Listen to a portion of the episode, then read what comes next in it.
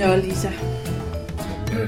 Julia. Så viste det sig, at du ikke kunne holde dig væk, var? Ja. Sådan er det. Sådan er det. Jeg savnede dig helt vildt. Ja, That's a fact. det er jo første gang, jeg hører det. så, så derfor sidder vi her nu igen. Det gør vi. Og Det er leder super dejligt. efter et eller andet at stille den her optager på, så det ikke skramler så meget. Skramler det med den der? Det er vores trademark. Jeg har et, mødeblad. teknik. Et moderblad, du lige sætter på. Jeg sætter det på modbladet. Ja. Flytter dit ask mere. Det er ikke, skal være. Nå. Det er salt. Fra, fra Marrakesh. Sådan et salt. Lille saltfad. Fair nok. Eskebær. Godt. Og i dag vil vi tale om billedbøger, Ja, for dem elsker vi. vi elsker billedbøger. Man kan ikke sige det tydeligt nok. Vi elsker billedbøger. Jamen, jeg har det, altså, jeg elsker virkelig billedbøger. Jeg elsker dem. Ja. Ja. ja. Jeg vil, øh, hvis billedbøger var en person, ville jeg invitere dem i Rødovrecenteret og lave sådan en flashmob og fri til dem. Men det er de ikke. Ændret. Ja, Åh, oh, Julia. Din gamle romantiker. sådan er det. Ja. Det er derfor, folk savner mig, når jeg er væk. Men du har jo en bunke liggende her af billedbøger. Plus du har en fin uddannelse som master i børnelitteratur. Hvor du har lært ting om billedbøger. Jeg har lært ting om billedbøger, så har jeg faktisk... Jeg ved ikke, jeg har virkelig øh, nørdet billedbøger rigtig meget, fordi jeg... Jeg ved sgu ikke. Altså, mit hjerte er virkelig... Øh, I love it. Og det er jo endda, selvom du er et voksen menneske. Det er selvom jeg er et voksen menneske, øhm, men billedbøger, særligt de moderne billedbøger, de er jo, øh, de er jo meget forskellige, hvad billedbøger kan, men mange af dem, de har virkelig sådan et, øh, et øh, højt æstetisk niveau, om man så må sige. Altså, de er virkelig, virkelig smukke Ja. øh, og lækre, og øh, både på, på billedsiden, men også på tekstsiden. ja. Men Julia, hvorfor elsker du billedbøger? Altså, øh, jeg kan godt lide dem, fordi de kan rigtig mange ting. Altså, man kan bruge dem. Jeg har jo læst mange, mange billedbøger højt for mine egne børn. Mm. Jeg kunne godt stadig finde på at læse en billedbog højt for dem, selvom de nu er 9 og 14. Måske ikke så meget for hende på 14, men den 9-årige får nogle billedbøger. Ikke? Øh, og så læser jeg dem for min egen skyld. Også fordi de er smukke på illustrationssiden, og der er en god historie i. Mm. Og så synes jeg, at nogle gange så kan jeg få en helt fantastisk litterær oplevelse på de 10 minutter, det nu tager at læse en billedbog. Det er jo meget rart i en øh, travl hverdag, at jeg kan få en dejlig oplevelse, der ikke tager specielt lang tid. Mm. Nu siger du, at... Øh, Synes jeg, og så, Ja. undskyld, jeg afbryder. Og så synes jeg tit, de er helt sjove. mm. Jeg ved ikke om, øh, om øh, når man er forfatter af børne- og ungdomsbøger, man måske tør flere ting, eller man får lov til flere ting, eller man breder sig over en lidt større palet. Eller, øh, men jeg synes, der er mange af dem, der eksperimenterer med alt muligt, og er ret gakkede og, og sjove på en anden måde, end sådan nogle tykke romaner, der nogle gange er lidt mere alvorlige. Mm. Jeg laver både de nonsensbrede, som er sådan, øh, som virkelig er gakket. Vi havde Rasmus Breinhøj, når vi talte om, om øh, papagøjernes Bangkok, som virkelig er nonsensbrede. Og så er der Mm. også nogen, som bare er humoristiske. Ja. Og så er der også det der med netop billedbøger, at de er jo beregnet til at skulle læses højt. Så forfatteren og måske også illustratoren har øh, jo lidt taget højde for den der dobbeltmodtager, så der tit og ofte er, øhm, det kan læses på flere niveauer, så både børn og Mm. voksne ligesom får, får noget ud af det. Det kan jeg også godt lide. Det er Ja. ligesom med de, øh, de bedste tegnefilm, ikke? Nogle af de der fra Pixar for eksempel. Så ja. sidder jeg og griner af en ting, og børnene griner af noget andet. Eller det, det er ikke altid de samme ting, man opdager i dem. Nej, lige præcis. Og også på billedsiden er der jo tit en, øh, en hilsen til den, voksne, til den voksne læser, Ja. hvor der er for eksempel Jakob Martin Strids Lillefrø, som er en af mine øh, ubetingede favoritter. Øh, hvor, han, øh, hvor Lillefrø på et tidspunkt stikker af, for han er jo så mega fræk, og øh, får skæld ud konstant, så han siger, øh, pardon my French, fuck it, og så rejser han ud i verden, ikke? Øh, blandt andet med tog, og en af de togkopier, han sidder, der sidder der en af medpassagererne og læser James Joyce. Ja. Og det er jo ikke noget, som øh, går ud fra, at de fleste børn vil bide mærke i, men det vil mange, eller i hvert fald nogle voksne læsere. ja. Øhm, ja. Men det, er også, det kan jeg også godt lide, når, når billederne fortæller en anden historie end teksten. Mm. Ja, men der findes jo forskellige, altså umiddelbart sådan tre forskellige typer billedbøger i forhold til forhold mellem tekst og billede. Der er sådan de symmetriske, hvor tekst og billede, altså hvor billedet bare er en gengivelse af teksten, mm. som understøtter det. Og det var tit, altså det var tit det, man så i de, i de ældre billedbøger. Så er der de, am, de ambivalente, eller de kontrapunktiske, modsætningsfyldte billedbøger, hvor, hvor billedet siger noget, og teksten siger noget andet. Mm. Øhm, og det kan jo både være med til at skabe, skabe humor, øh, og det kan også være med til at være med til at øh, vise en historie fra forskellige synsvinkler. Mm. Og så er der de ekspanderende eller de udvidende, hvor, hvor typisk illustrationerne udvider øh, historien på tekstsiden. Ja. Og dem er der rigtig, rigtig mange af i de moderne billedbøger. Ja. Da jeg øh, læste på biblioteksskolen for rundt regnet 60.000 år siden, ja. øh, der, der startede det meget det der med, øh, der var sådan en diskussion om, om billedbøger var for børn eller for voksne. Okay. Det var der, hvor vi havde utrolig meget snak om, at mange af de moderne billedbøger, der blev lavet på det tid, det var især sådan nogle som Dorte Karbæk og sådan mm. at, at de var måske mere lavet for de voksne mm. læsere, mm. Mm. end for børnene. Ja. Det der er jo, altså der er jo lejren, den har også liggende her. Det er ja. bare sådan et godt eksempel på det der med, at ja, billedbøger typisk blev sådan, er sådan blevet betegnet som småbørns litteratur, men der er det på ingen måde mere. Altså lejren, det er jo, det er jo til unge eller til voksne. handler om, altså det er Oscar K., der har, mm. der har skrevet den, ikke? Og, og Dorte Karbæk, der har illustreret den. De sammenligner jo barndommen med en koncentrationslejr, og den er ret, den er nogle ret hæftige illustrationer, og i virkeligheden en ret hæftige historie. Og den er jo, selvom det er, det er som en billedbog, så er det jo kun for unge voksne eller for voksne. Ja. Men jeg tror også, det var fordi, der for 16 år siden, der kom rigtig mange billedbøger med illustrationer, som var meget eksperimenterende. Mm. Og som ikke nødvendigvis var særlig pæne. Øh, hvor der var mange, der spurgte sig selv, gider børn overhovedet se på det der? Eller er det mere sådan noget kunst for de voksne? Mm. Ja, det kan jo diskuteres. Men man... Jeg synes ikke, de er så vilde længere, dem der kommer nu. De er stadig eksperimenterende, men det, jeg synes ikke, det er, på, på, det er helt lige så vildt.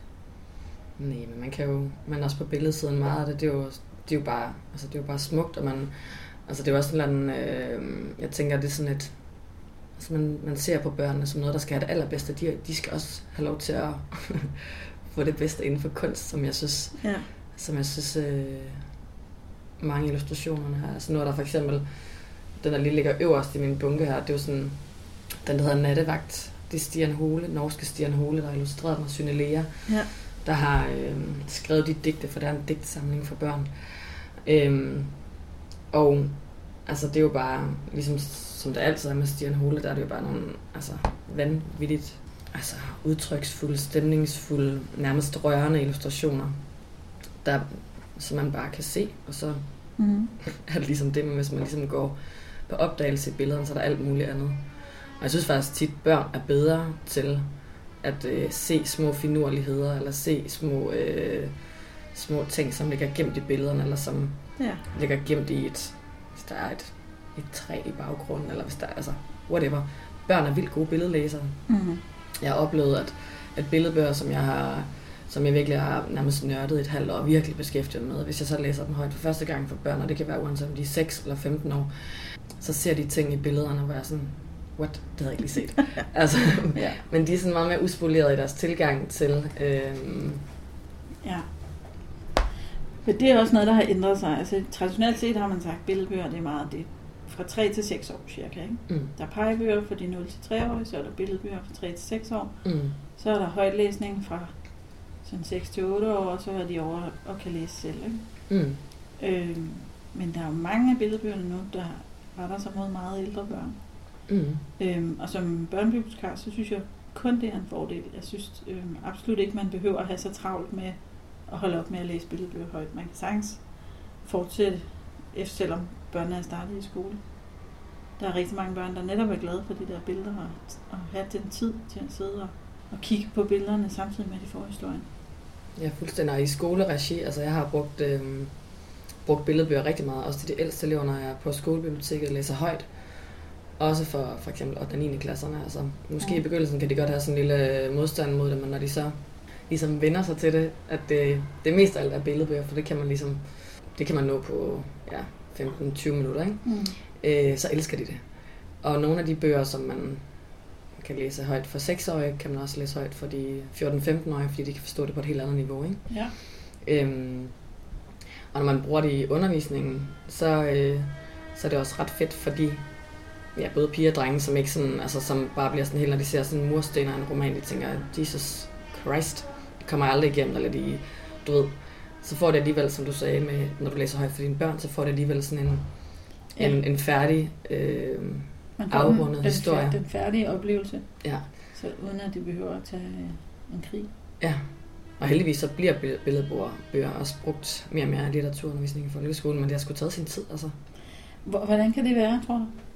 Er det ikke blevet taget seriøst lidt, eller, Mm, jeg ved det ikke, om eller er sådan, det fordi, de bare har været til de yngre børn traditionelt? Man kan sige, at det er efterhånden en del år siden, at, at der blev begyndt at blive lavet billedbøger, som, som også kunne bruges til de ældre elever, men, men også bare til de... Altså nu bliver det jo brugt fra 0. klasse øh, til og med 9. Ikke? Der er rigtig mange 9. klasse elever, der, der går til afgangsprøve når, og vælger en billedbog. Og min erfaring er, at det stort set altid med gode resultater. Mm.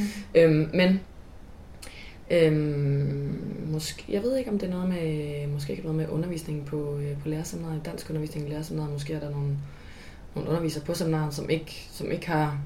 Ja, ja, som ikke har vidst noget om billedbøger, og nu er der nogen. Ja. Det, kunne, Øh. det vil vi gerne vide. Hvis du underviser på lærerseminaret, må du godt lige skrive til os. og hvis du underviser på lærerseminaret, få øhm, åbne øjnene, kig på billedbøger. Der er simpelthen så meget øh, potentiale Ja. i litteraturundervisningen. Jamen, jeg har hørt fra, øh, når jeg har haft praktikanter på Mhm. mm. skolen og så videre, som jeg går på seminaret, at det er ikke noget, der bliver lagt, lagt særlig meget vægt på. Mm. hvor det måske er mere sådan den du ved, klassiske litteratur. Øhm, der er jo ikke meget tid. Altså, nu ved jeg ikke, hvordan læreruddannelsen er skruet sammen, men der gik på seminaret, var det kun to år, man havde dansk. Ikke? Ja. Og der er meget, man skal, man skal igennem. Men billedbøger var, var ikke en del af det. Men det er det jo ikke engang på, på øh, pædagogseminarerne heller. Du kan læse til pædagog, Ja. uden overhovedet at have noget med, med billedbøger eller højtlæsning for børn. Det er sikkert en skam der. Det er meget ærgerligt, synes jeg. Fordi ja, det kan, du kan sagtens være en rigtig god pædagog uden, men det er da noget, der er fedt at have med Jamen, ude fuldstændig i også, daginstitutionen. fuldstændig også fordi rigtig mange, særligt de nye billedbøger, ligesom også åbner op for, øh, for samtaler. Altså Ja, også nogle gange nogle lidt svære samtaler om, øh, hvor det var noget, som, som alle børn enten selv oplever, eller har øh, kammerater, der oplever noget med skilsmisse, eller noget med død, eller, mm. eller bare sådan noget hverdag, sådan noget, sådan noget med venskaber, som, som jo fylder sindssygt meget i de Mm. der børns øh, liv. Så de kan, det kan bruges til så meget litteratur. ja. Og uden at det bliver på sådan en, øh, du ved, selvom det er bøger, der handler om øh, skilsmisse, eller bøger, der handler om død, så er det jo bare, så er det ikke det, der er i fokus. Det er bare en, en, en rigtig god fortælling, en rigtig god historie, og så ligger det andet ligesom implicit, og så kan man tage hul på den samtale, og, øh, hvis man har lyst. Man kan også bare lade det være en god historie. Ja. Men der er bare rigtig mange børn, der kan det. ja, og så kan de jo skabe et roligt øjeblik i en, i en hverdag fuld af leg og tumult. Ja, fuldstændig. Det er også Nærvær. Nærvær. Lidt nærvær. Lidt ro. Det skal man ikke kæmpe sig af. Øhm, ja. Ja. Men der findes jo så mange forskellige typer billedbøger nu. Altså, øhm, men de kigger i bunken. Der er jo...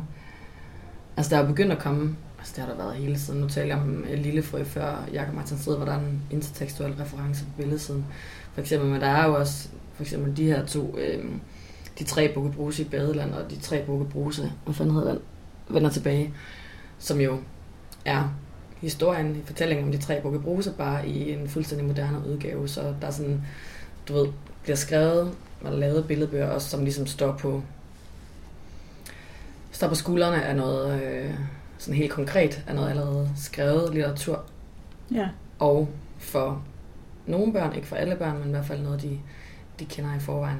mm. Øhm, men så er der også alle de sådan lidt mere filosofiske børnebøger. Der er øhm, de der historien om alting, og historien om absolut ingenting. Oh, ja. Øhm, Søren Jessen og Hanne Bartolin, ikke? Jo. Ja. Øhm, som er, altså de er jo, de er jo, sådan, de er jo lidt udsyret i virkeligheden.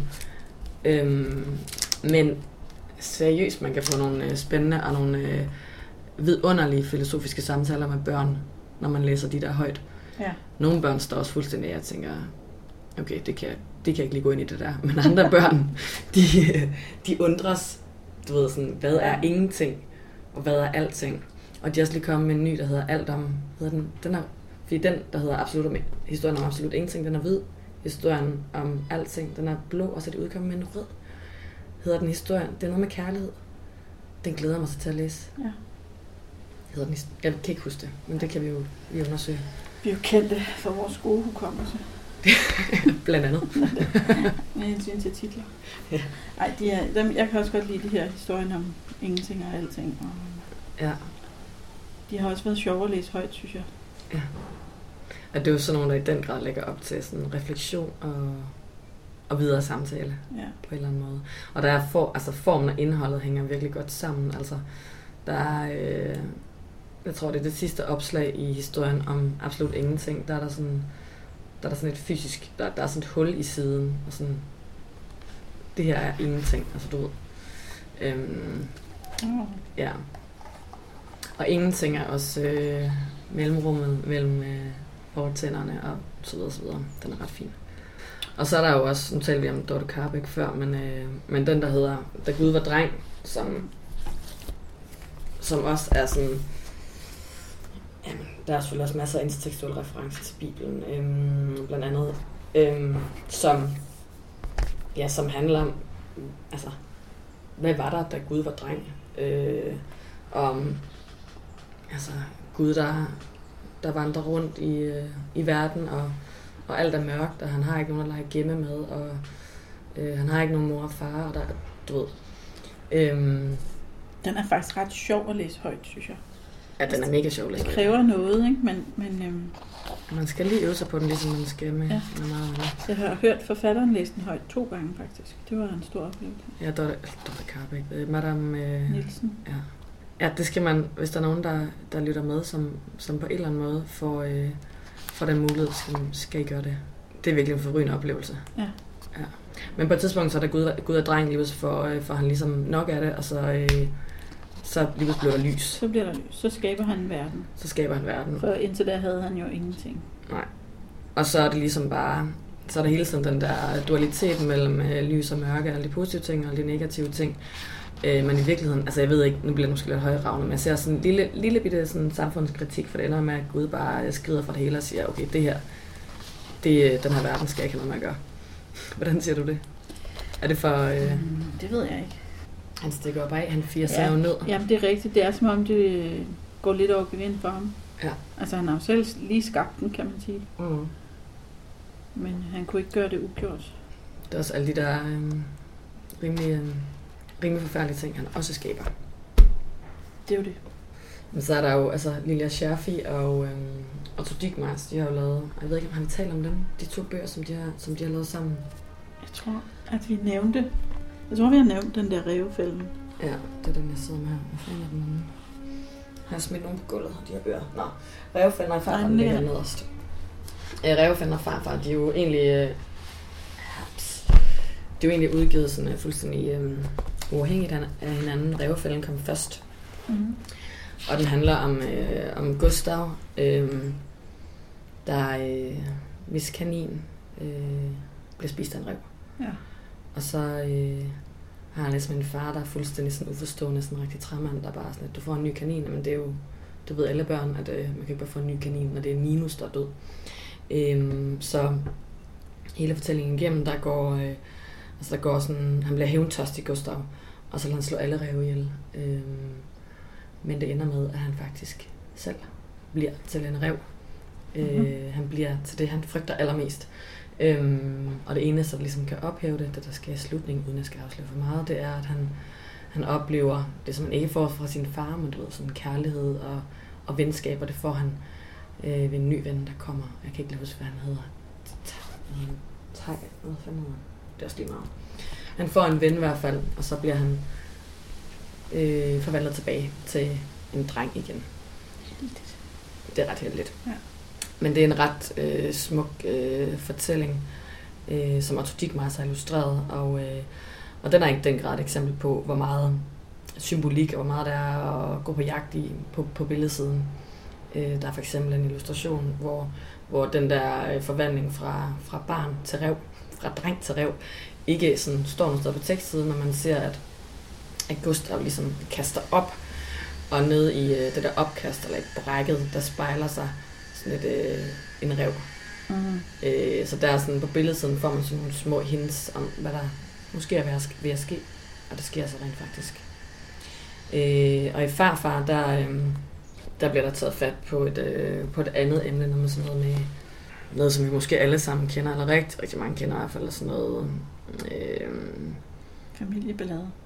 ja, familieballade, usagte ting, Mm. øh, ja, hvor, øh, hvor farfaren skal hjem og bo hos, hos øh, Storm og hans familie, Storm med barnebarnet.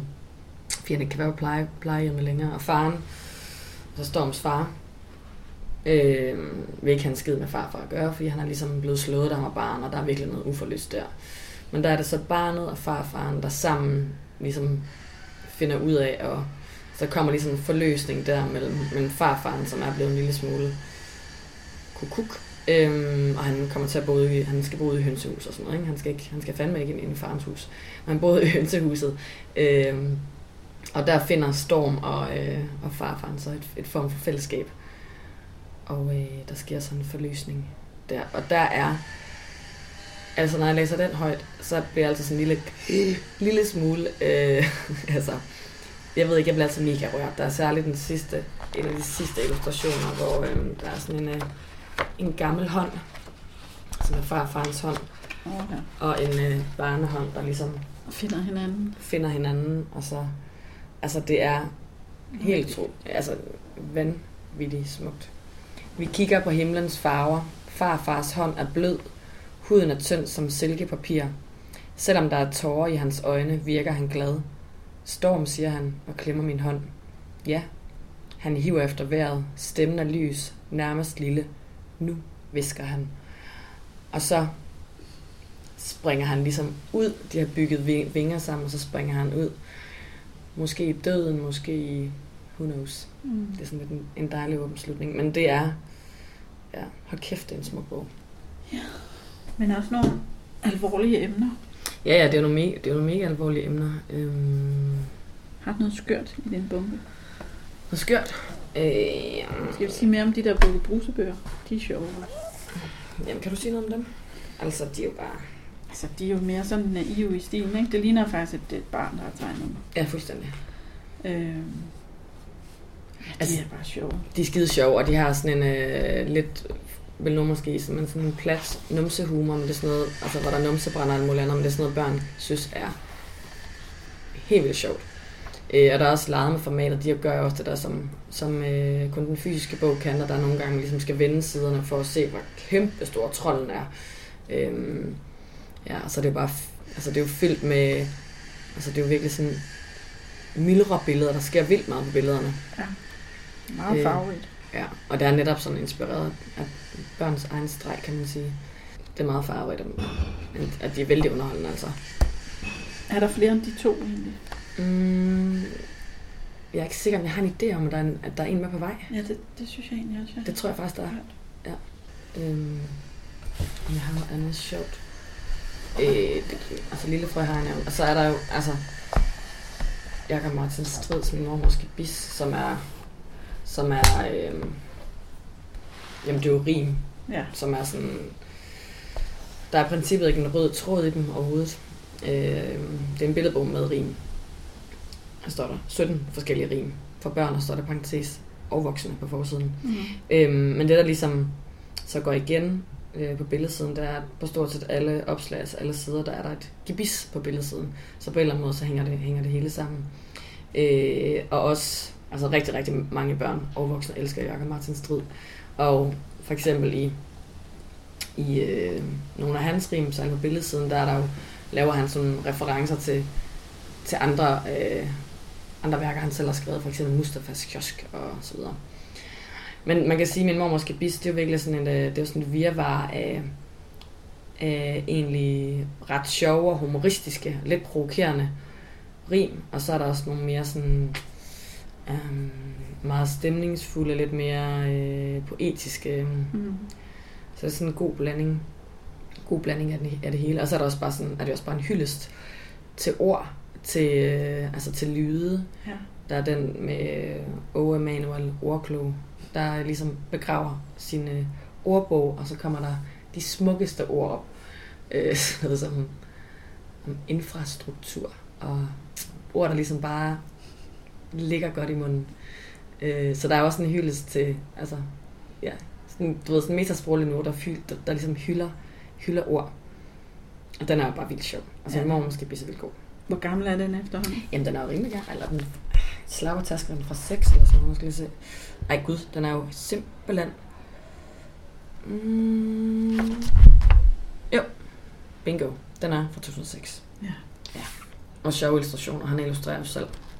Ja. Det er også det der med billedbøger i forhold til for eksempel den illustrerede bog, hvor, hvor øh, der er, det er tit og ofte sådan, til de, til de lidt ældre, ikke? der er meget mere tekst, og øh, der er ikke nødvendigvis illustrationer på alle sider osv., men det er, at forfatter og illustrator arbejder hver for sig med mange billedbøger, der er forfatteren og illustratoren tit og ofte den samme, og nogle gange så bliver det, kommer det, det ligesom til sådan på samme tid. Ja. Ikke altid, men nogle gange. Jeg skal altså lige den her. Har du set den, den der hedder Kære mor og far? Nej. Det er også en billedbog, men det er jo sådan et eksempel på, at, at nogle billedbøger absolut ikke er nogen, der skal sådan stå i de der, du ved, billedbogskrypper, hvor børn bare selv går hen og tager dem. Øhm, det er nogen, der skal formidles, og måske er det i virkeligheden til voksne, I don't know.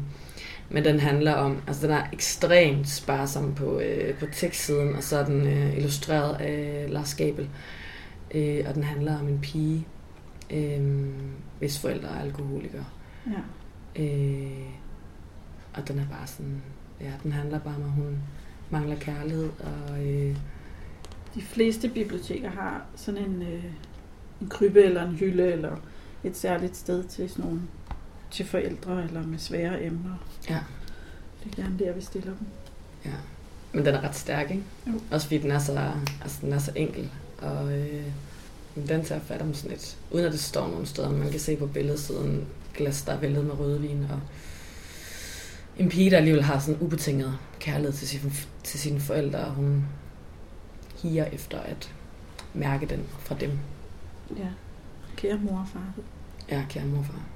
Den er, den er ret vild.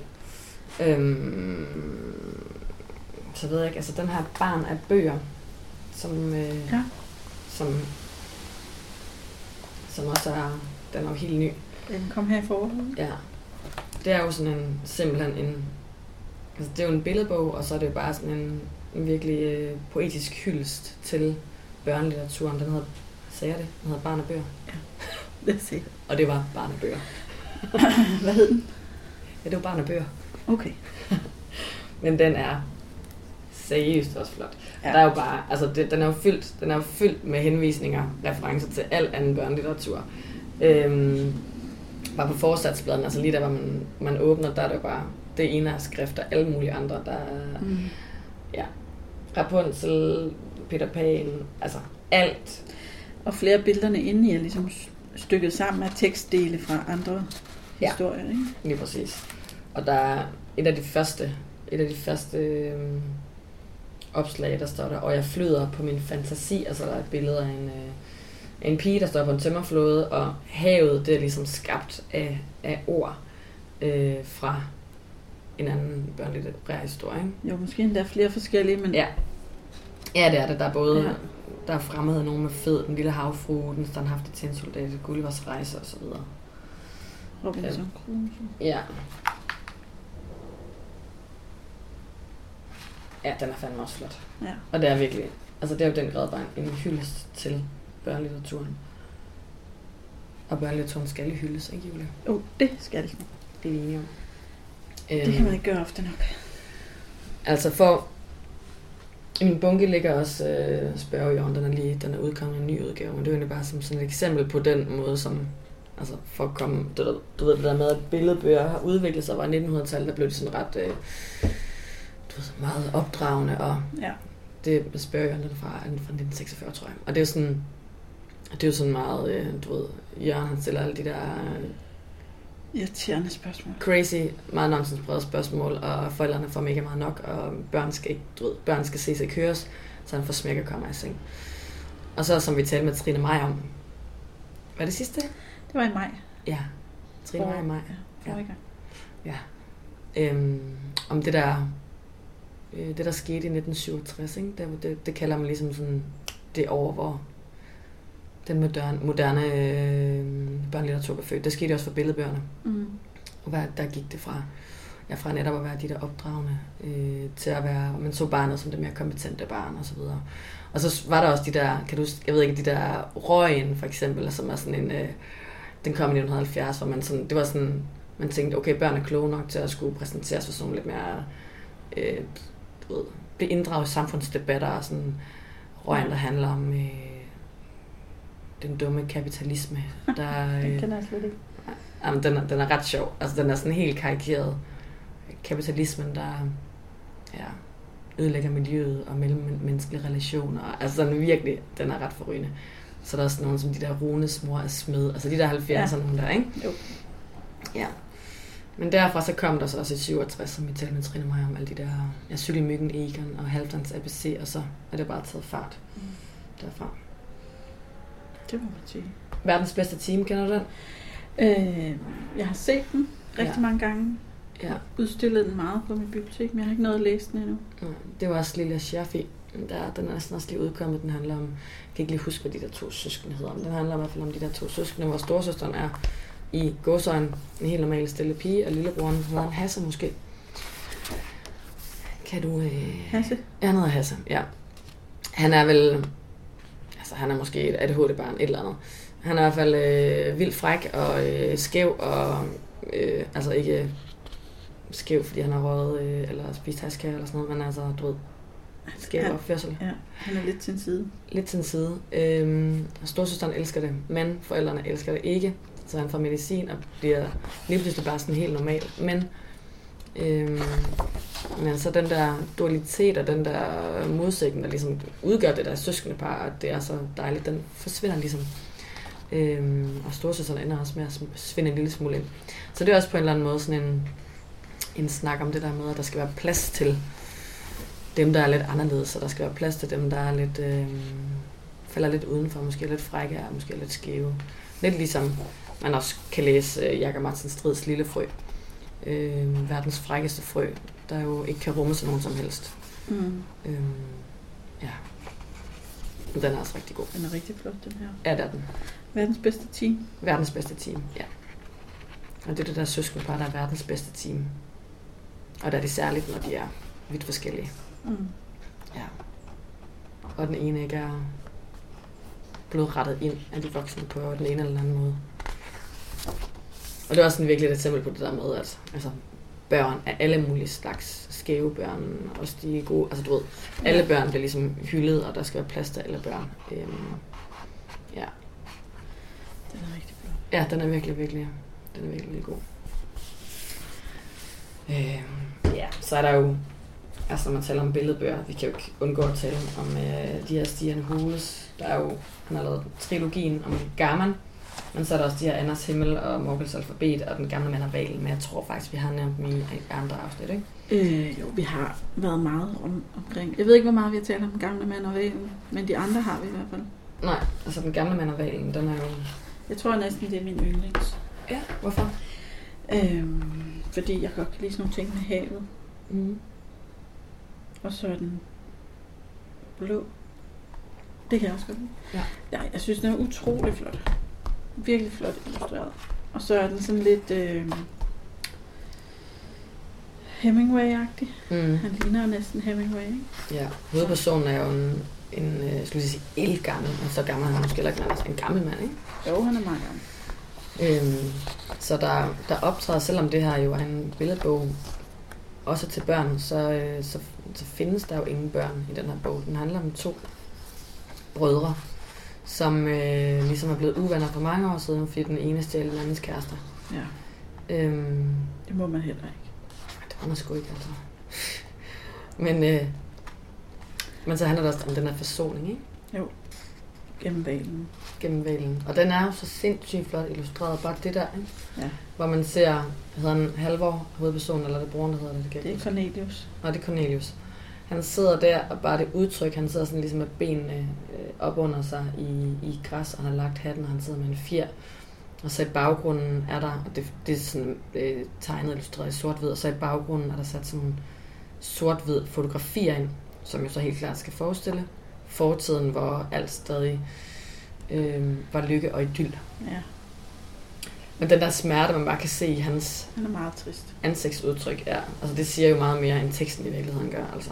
Ja. I hvert fald for mig, det er sådan noget, der bare sådan taler til alle sanser og følelser på en eller anden måde. Ja. Ja. Den er, øh, Kan, kan vi afsløre, øh, at de bliver gode venner igen? ja, det kan vi godt. De ender i hvert fald med at sidde og spille skak sammen midt om natten, ikke? som de gjorde i de gode gamle dage. Ja. Ja. Og en lommelærke på bordet. Det var godt. Men det er ret flot med, de der, med at det er havet, der også ligesom spiller en rolle. Mm-hmm. Og valen. Så har du også en, en ældre bog liggende. Øh, tænker du på den? Her Vilders Stjerne. Ja. Den synes jeg altså er så skide god. Den er skæg. Den er skæg og samtidig poetisk, ikke? Jo. Altså, den handler om, om herr Wilder, og da han var barn, ville han, han ønskede sig altid en stjerne i, øh, i fødselsdagsgave, men han fik, det, han fik det aldrig. Han fik gyngehest og alt muligt andet. Og så da han blev voksen, så han sagt, okay, så bliver han sådan lidt, okay, nu, vil han, nu, nu er jeg voksen, nu kan jeg selv bestemme. Så vil han have en stjerne, så bygger han verdens højeste stige, Det må man sige. Den er pænt lang. Og så finder han en stjerne, som han tager ned til jorden. Øh, han kommer i avisen og alt muligt, fordi det er ret vildt, han har en stjerne. Men, men den der stjerne, den trives bare ikke rigtigt. Han har den endda siddende her i sofaen, ikke? Og den får en citronvand. Og... Han gør jo alt for den, han synger og danser. Altså han elsker den der stjerne, han viser Ja. ja. den frem på balkongen, som om det var sådan der noget. Det ligner lidt det der Michael Jackson. Nej, jeg tænkte lige på det. Ja, Jeg er nede i Berlin. står og holder sin øh, stjerne ud over balkonen. Jeg tænkte lige præcis på det. Det kan også godt være, at, øh, at det, det er Breinhøj, der har illustreret den, ikke? Jo. Det kan godt være, at han har tænkt på det. Der er noget, who knows. Men i hvert fald. Og den ser skægge ting i fjernsynet sammen med. Ja. Men Men den- uanset hvad, den er Det ikke særlig. Den blegner og falmer. Og til sidst må han jo bare indse, at den er, den er taget ud af sit naturlige element. Ja, Ja. Himmelen, den skal tilbage. den skal tilbage. Så kommer den det. Ja. Og så alt, ender alt alligevel godt, for så kan han jo ligesom kigge op på stjernen hver dag og hygge sig lidt med det. Ja. Men den synes jeg bare, jeg, jeg synes, jamen den er skide sjov, også fordi der er også, på tekstsiden er der sådan noget til, til både børn og voksne, og så samtidig synes jeg, den er enormt poetisk. Altså Ja, sådan, det er en fin historie. Jamen det er det. Og ret god til sådan en godnatlæsning, hvis man skulle have lyst til det. Det, vil, jeg vil, det er sådan en af dem, man kan komme til at læse, læse højt hver aften i tre måneder. Det kunne jeg forestille mig. Mm. Så man skal vælge den med omhu, ikke? Man kan roligt vælge den. Altså. Man, ja, man kan godt holde den ud Jamen det vil jeg, det vil jeg i godt meget gøre. lang tid. Så er der græd blot hjerte. Ja. Og det er jo, øh, det er jo efterhånden en ældre sag, Glenn Ringvad, og øh, har skrevet den, og Charlotte Party har illustreret, men den, den fik jo ligesom sådan en revival. Nu har den udkom i USA, hvor den fik, øh, den har fået gigantisk succes, altså. Den er fra 2001. Men den er, så den er, jo, den er jo ret gammel, men nu er den så, den er så, det der med, at den kom i USA, så er den ligesom blevet, jeg ved ikke, den er i hvert fald blevet genudgivet øh, Ja. øh, på dansk, ikke? men den handler om de der er det tre eller fire børn, der sidder en eller anden aften i, i bedstemorens køkken og venter på, at øh, døden skal komme forbi, fordi... Fire børn. Øh, fire børn, ja. Fordi der sidder den der, den der far... Er det farmoren eller bedstemoren? Whatever. Hun ligger op ovenpå for døden. Det er farmoren. Ja, farmoren. Så, ja. Og de der børn elsker den der farmor virkelig, virkelig, virkelig højt, og de har mm, det er meget, meget svært ved at skulle se følelser hende.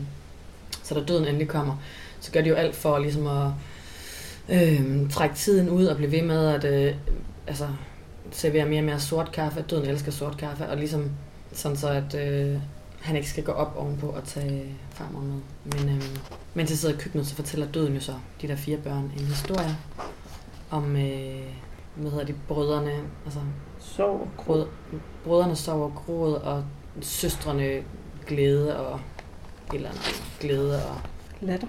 glæde og latter. Og så er det ligesom noget med, at de der, de der to søstre og de der to brødre, de bliver ligesom kærester og flytter sammen, og pointen er selvfølgelig, at Man skal have en balance ja, i tingene, ja, for at kunne værdsætte begge dele. ja.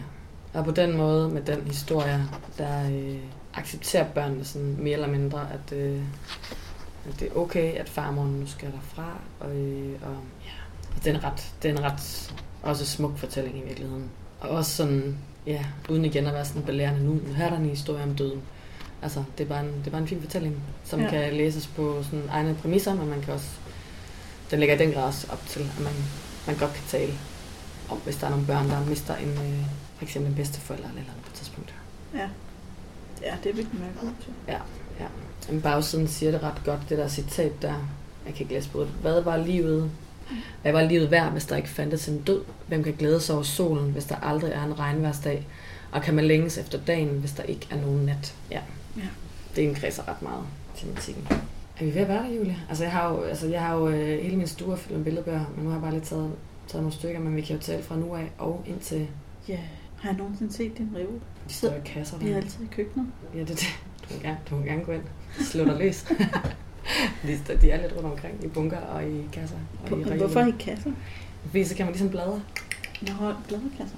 Ja. Aha. Ligesom plader. Mm-hmm, mm-hmm. Det er med smart. Eller ligesom plader. Det var fordi mine plader også står i, står i kasser. Okay. Nej, lille frø har vi nævnt. Ja, Den der, du har liggende derovre med elefantens hukommelse. Mm. Har vi nogensinde talt om det? Men det kan jeg nemlig ikke huske, om vi har. Men det er sådan en... Øh, Den er stor og flot, ikke? Ja, den har et kæmpestort format. Og den er jo sådan en blanding, det er jo en billedbog, men samtidig så er det sådan en blanding af faglitteratur og en øh, fiktiv fortælling. Øhm, har vi talt den? Det er sådan lidt en snobbet elefant, ikke? Jeg tror ikke, vi har talt om det. Har vi ikke talt om den? Den er snobbet, altså ej, jeg ved ikke snobbet. Det er bare fordi, jeg ved ikke, om det er en snobbet elefant. Den har i hvert fald designermøbler. Ja. Imstole blandt andet, ikke? Altså, øhm, men nede, nederst på siden i sådan en, i sådan en grå bjælke, der er der ligesom sådan en øh, fiktiv historie om elefanten Marcel, der er en meget gammel elefant. Øhm, og den kører ligesom hele, hele bogen igennem, og så på billedsiden er der så der, altså det er jo en vildt smukke illustrationer, som der bare er, hvor der så bare findes alle mulige kendte, for eksempel designmøbler og øh, ja, beklædningsgenstande osv. Men altså så hvert opslag ved siden af den fiktive historie, som kører i bunden, så er der så sådan en, det er jo sådan en slags, øh, øh, hvad hedder sådan noget, en, en, psy, en encyklopædi. Det er i hvert fald noget, der hedder. Det er det, jeg mener. Det er sådan en slags opslagsværk. Mm. Altså man kommer omkring alt fra øh, altså forskellige mad, forskellige madvarer til altså høje, høje tårne i verden, til, øh, til møbler, til øh, musikinstrumenter, altså alt. Øh, ja. Det lyder meget specielt.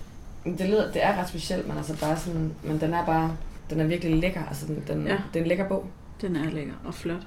det er det. Både på grund af formen, men også på grund af, på grund af illustrationen. Den er måske også lidt barbaragtig, den der elefant. Ja, det er den faktisk lidt. Den er ikke så cutie pie-agtig som Nej. Barbara er. Den er sådan, ligner lidt, lidt mere en rigtig altså, elefant. Ja. Men det er, den her den er også meget, meget gammel. Marcel er en el gammel ele- elefant. Men den er bare ret flot, og der kommer også flere og flere af sin slags, hvor der ligesom bliver blandet skønlitteratur og du ved, sådan, fakta. Mm. Sådan en slags opslagsværker. Øhm, man kan jo i virkeligheden også bare droppe den der historie ned i bunden, og så bare ja, bladre lidt i den og kigge, ej, nu vil jeg gerne vide noget om øh, alverdens desserter, eller nu vil jeg gerne vide noget om... Øh, Ja. ja, der er mange timers underholdning i den. ja, det må man sige, der er virkelig meget god opdagelse i, og noget at lære. Den er lidt måske på nogle punkter amerikansk. Okay. Øh, eller sådan, jeg ved ikke engang, om forfatteren er amerikaner eller hvad. Jo, måske Sophie Strady, det kunne godt lyde lidt øh, amerikansk. I don't know. Men den er i hvert fald ret flot. På bagsiden står der, læser Marcels fantastiske liv som globetrotter i denne overdådigt illustrerede billedbog, som hylder venskaber og hukommelsens kraft. Og man kan altså lære om alt fra øh, planeter til, til dyr til ja, alt muligt. Fascinerende. Det er meget fascinerende. Og så vil det, altså, det bliver bare ganske kort med Cecilie Egen og um, Mørkebarnet. Ja. Har Den vi ikke også nævnt den før? Den snakker vi snakker med Trine Maja. Nå, det var det, vi gjorde. Det er en børnegyser, Mm. billedbogs børnegyser, og den er jo den er vanvittig. Den er skrevet på det, der hedder Sonetkrans, som ligesom er det var det, ja. ja, en helt særlig måde. Vi kan ikke, øh, vi kan ikke gå mere ind i det her. Så må er- man, øh, man må finde øh, episoden fra mig, er jo det, der vinder. hvis man vil høre mere om det. Ja, vi laver også en intertekstuel reference til os selv. Mm-hmm. Det er skidesmart. Ja. Men den er virkelig, virkelig flot, og den handler jo også, den hylder jo også det hele barn i virkeligheden. Ja. Det handler om mørkebarnet og lysbarnet, hvor, øh, hvor mørkebarnet har ulet og ulet hår og, og bliver ligesom gemt af vejen ned den mørkeste del af haven, og mens lysbarnet leger og er fin og Meget yndig. meget, meget yndig. Og det går faktisk så vidt, at, at mørkebarnet bliver forvist fra, fra, fra, fra hjemmet af forældrene, fordi de, de kan ikke klare, at hun er, hun er fræk og øh, ja, Mm. og måske lidt vredt barn. Men til sidst så, øh, så finder de ud af, at i virkeligheden så er mørkebarnet og lysebarn, lysbarnet, det, altså, det samme barn. Mm. Og at børn og alle mennesker både rummer mørke og lyse sider. Og man kan sige, at det står ikke nogen steder i, øh, i, tekst, i teksten rigtigt. Man kan se det øh, i billederne. Og så er der hele tiden sådan lidt nogle tegn på det værket igennem. Der er for eksempel sådan, du ved, søen ude i haven er formet som yin og yang, og, og der er flere andre, flere andre ting. Øhm, der er for eksempel også inde på børneværelset, er der en, øh, er der et H.C. Andersen værk, Skyggen, som jeg også lidt, død. Så der er sådan flere, flere hints. Øhm, man kan også bare læse den, som, som den er, men, men i bund og grund så, er, så handler den om, at mørkebarnet og lysbarnet er det er et og samme barn. Ja, det er også et godt budskab. Fuldstændig. Hvornår er den fra? 2006, mener eller 2009, kan jeg ikke huske det. Jeg synes også, den var ældre. Jeg synes ikke, der står noget. Der står ikke noget om første udgave. Jeg tror, den er fra 6 første ud. Okay. Det er slag på tasken. Det tager vi. Ja, det tager vi. Ja, jeg køber den. Øhm, så sidder du med den der bjørn, som ikke havde været der før. Ja. Og den blev jeg meget overrasket over, da jeg læste den, kan jeg huske. Mm. Altså positivt. Den er af illustreret af ham der Wolf Erlbruch, Mm. som mange sikkert vil kende fra den med muldvarpen, som har fået noget på hovedet. En lort. En lo- viser det sig at- være. Ja. Øh, og det, det synes jeg var en, en fantastisk billede over den her. Den ville man kunne læse for sig selv som voksen. Ja. Eller øh, for sine børn i mange forskellige aldre. Måske ikke for en treårig. Ikke for en treårig. Nej. Skal jeg være lidt mere. Men det er jo også sådan en meget... Den er jo ekstremt filosofisk Den er og, og lidt crazy. Jo. Øhm, den handler om, om bjørnen, som ikke har været der før. Så det ligesom en bjørn, der går ud for at finde ud af, om han er sig selv. Ja, hvem man er. Hvem han er, ja. Den er virkelig, virkelig øh, fint derinde med den. Ja. Det er også det er en, en bjørn, der ikke er bange for at stille spørgsmål Det kan man sige. til sig selv og tilværelsen. Og også bare sådan en bjørn, der er sådan lidt, øh, også lidt går op i, øh, ikke går op i, hvad, øh, hvordan øh, tingene ligesom bør være, eller er sådan på papiret, og bare sådan lidt, når man, Jeg er meget åben. en meget åben, og også en meget æstetisk Ja. bjørn, der ligesom bare sådan, ja, Der er relativt meget tekst, så det er måske ikke den, man tager sådan lige på sengekanten, hvis alle er trætte. den tager faktisk også et stykke tid, og øh, Ja. ligesom, man kan vende tilbage til den, og så er der jo, er der nogle steder, hvor, hvor det giver mening lige at, du ved, hvor, der, hvor det godt kan være sådan lidt teaseragtigt. Så man godt kan lave et kapitel ud af det. Den er ret flot, også bare formatet, det er jo en kæmpe stor billedbog også. Ja, den er stor. Og den leger også med, ligesom flere af de andre øhm, øh, moderne billedbøger, leger den også med det der med, med formatet, at der er nogle gange, hvis der er et træ, der er meget, meget, meget, meget, meget højt, så, så skal man ligesom vende, vende bogen om, så, så længden på træet, eller du ved, ligesom kommer til sin ret. Ja. Der er også nogle, nogle få sider der, hvor der, hvor der kun er billeder på, og ikke er tekst. Ja. Øhm, For eksempel den der. Okay. Hvor man ser bjørnen, der rider afsted på en øh, taxa, som han øh, rider afsted. Eller sådan, kører afsted på en skildpadde taxa. Nu Ja. for at finde, øh, er på vej til lige ud. ja, hvor, hvor skildpadden tilfældigvis også skulle hen. Til lige ud, ikke? Jo, det er smart.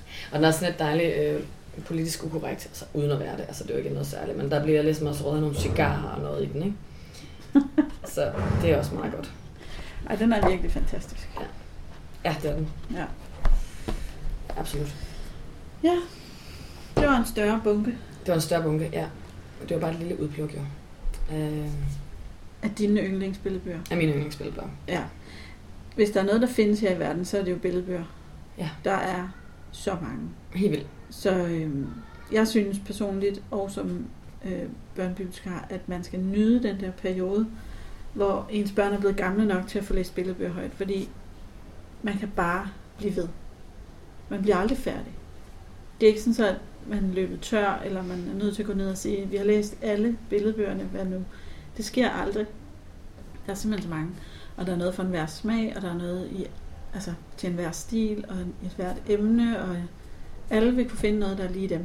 Fuldstændig, man kan sige, at billedbøger, det, det der med, jeg kan huske, vi talte med Christian Bak fra, nu, han var på Gyldendal på det tidspunkt, nu er han hos Carlsen, vi talte om det der med young adult, om det var en genre, eller var en målgruppetegnelse, man skal sige.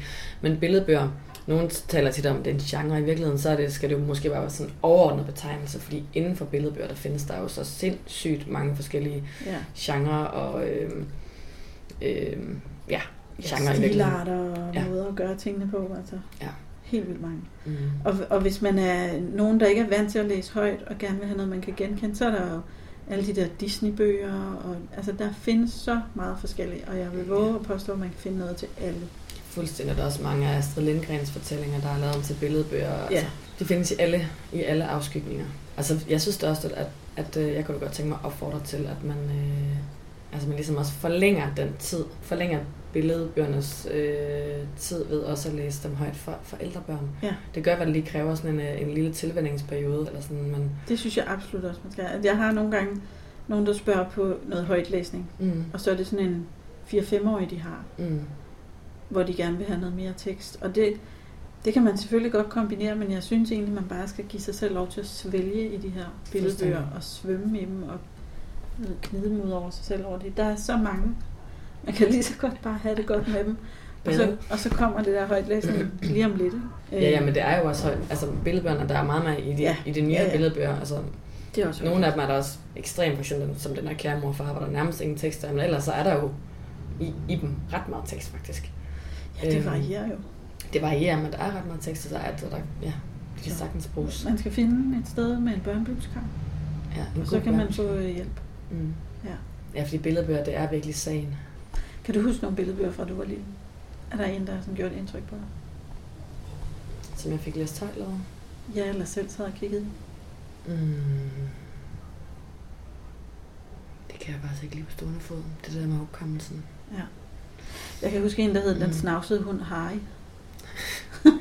Som jeg tror, mine forældre fik. De var medlem af alle mulige bogklubber. Den snavsede Fordi vi boede så langt ude på landet. Jeg kom faktisk næsten ikke på biblioteket som lille, fordi vi havde bare så mange bøger selv. Mm. Den snavsede hund Harry, den løb væk hjemmefra. Og så øh, havde den en masse eventyr, der gjorde, at den blev sort i stedet for hvid. Fordi den kom igennem så meget mudder og byggestøv og hvad ved jeg, alt muligt. Ja. Så da den kom hjem, så øh, kunne familien ikke genkende den, fordi den var helt sort i stedet for hvid. Nå. Og de ville slet ikke have den, fordi de var, det var ikke deres hund. Nej. Men så fik den lige øh, foranstaltet et bad. Og så, så var der stor gensynsglæde. Nej, det er som om jeg genkender det på en eller anden Den måde. var jeg meget glad for. Den, Ja. den fås stadigvæk. Jeg ser den indimellem på biblioteket. Jeg har bare godt lide den snavsede hund. Ja. den beskidte hund. Jeg gik rigtig meget på biblioteket som, øh, som barn, faktisk. Vi havde sådan en lille, sådan en lille lokal bibliotek Mm. i den del af byen, som øh, jeg voksede op i. Jeg synes, det var sådan en dejlig frirum. Ja. Øh, og sådan lidt, altså den vildeste luksus, bare sådan, shit, man kan bare låne de her bøger. Eller låne kassettebånd gjorde også ret meget, ikke? ja. Ja, det med jeg også. Ja. Med historier. Ja, men også bare med musik. Der hørte jeg meget. Jeg havde især et kassettebånd med øh, den der historie om Baskervilles hund. Ja. Ej, det var hyggeligt. Ja. Super. Julie, det har været en øh, fornøjelse at tale om øh, billedbøger med dig. Ja, men tak i lige måde.